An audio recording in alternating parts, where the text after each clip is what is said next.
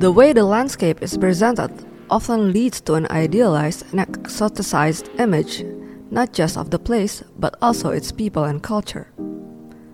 Presented in a salon hang style, this section features works that focus on Bali, an island that has drawn many artists, musicians, film directors, anthropologists, and adventurers to visit and immerse themselves in its rich, dynamic traditions and vast nature.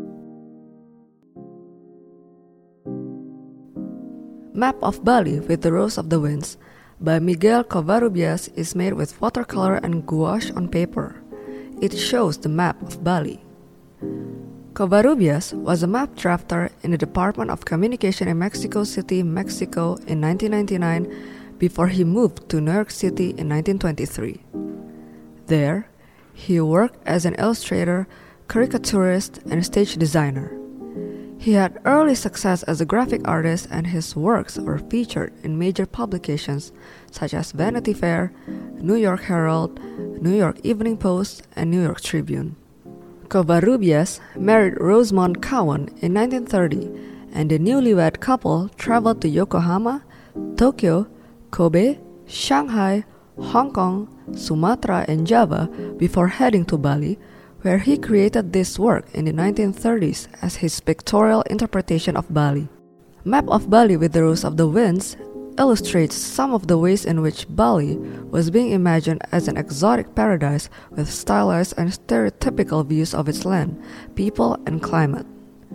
This painting depicts some of the distinct geographical features of Bali, such as rice fields, temples, villages and mountains, as well as the locations of notable towns and settlements. On the northwest, a white cruise ship is seen heading towards Singaraja Buleleng, the Dutch colonial capital and the island's main port, while on the other side, another ship is heading towards its southeastern coast. Covarrubias included the Balinese and their activities in the map a crop carrying woman, a farmer, fishermen, and European tourists. In 1937, he used this painting for the cover of his book, Island of Bali, which published his illustrations inspired by the island alongside photographic documentation taken by Rosamond Cowan. Covarrubias' book received critical acclaim in the United States and is considered to have contributed towards raising the popularity of Bali among American tourists after World War II. But prior to this book, there was another artist who became a source of inspiration for many.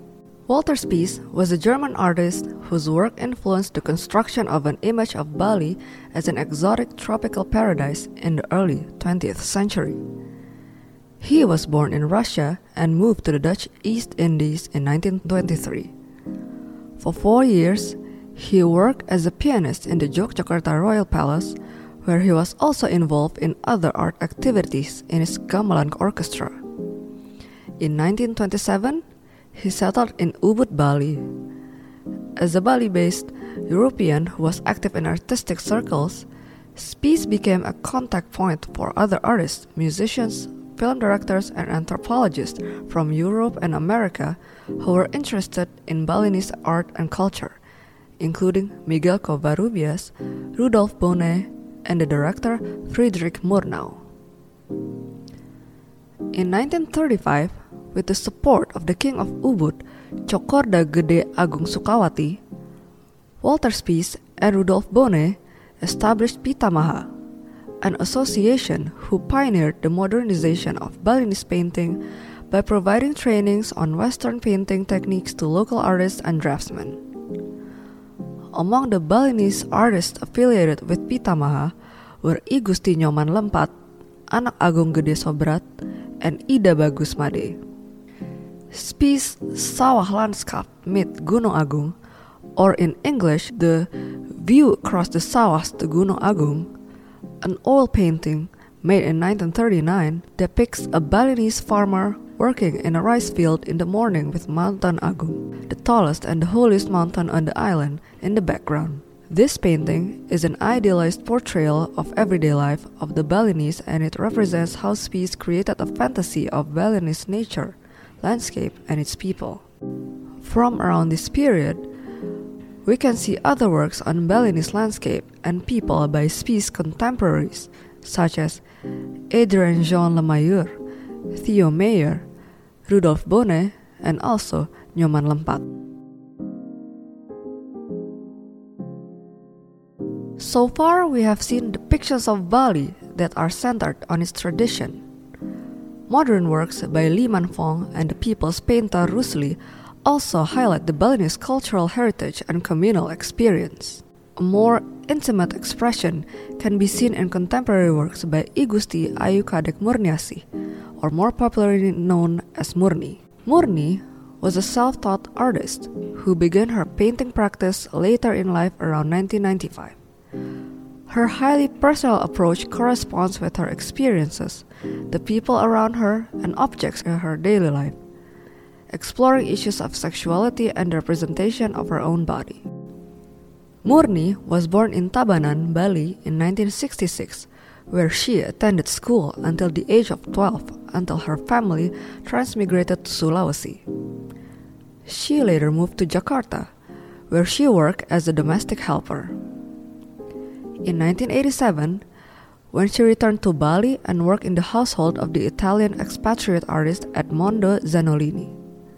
Zanolini's house and studio was an important meeting place for other artists, including Pengosekan artist I Dewa Putu Mokoh and Ototol, who was also a self-taught artist. It was here that she began to paint and explore the Pengosekan painting style, transforming it into an expression of her life and experience.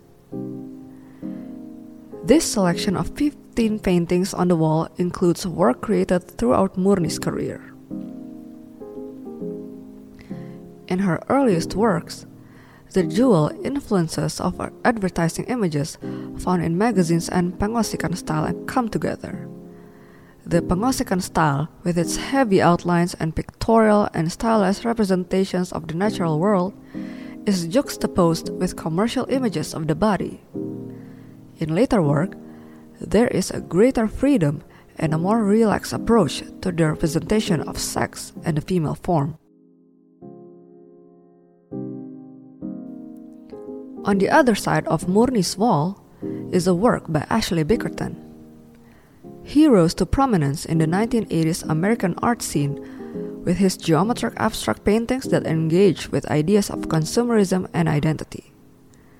His works expanded into mixed media, which allowed him to articulate an interest in language, symbols, and the cultural dynamics of capitalism. Such interest was influenced by his nomadic childhood, as his family frequently moved following the work of his father, Derek Bickerton, who was a linguist who studied Creole languages in Guyana and Hawaii. Ocean Chunk, Seascape, Floating Ocean Chunk Number 1 was made in 2017 as a continuation of Bickerton's Ocean Chunk series, which was first conceived prior to his relocation from New York to Bali in 1993. This work is made out of resin, fiberglass, oil paint, enamel, aluminum, and plywood, and resembles the artist's playful interpretation of this seascape. The molded resin gives an impression of an ocean, a place of personal significance for the artist who spent decades as an avid surfer. A metal structure resembling a life buoy surrounds the ocean chunk, its surface emblazoned with the word Susie, Bickerton's self invented brand. Despite its allusions to the ocean, Bickerton never intended for the Ocean Chunk series to comment on environmentalism. Instead, this piece of the ocean is a poetic visual exploration of humans' place in the biosphere.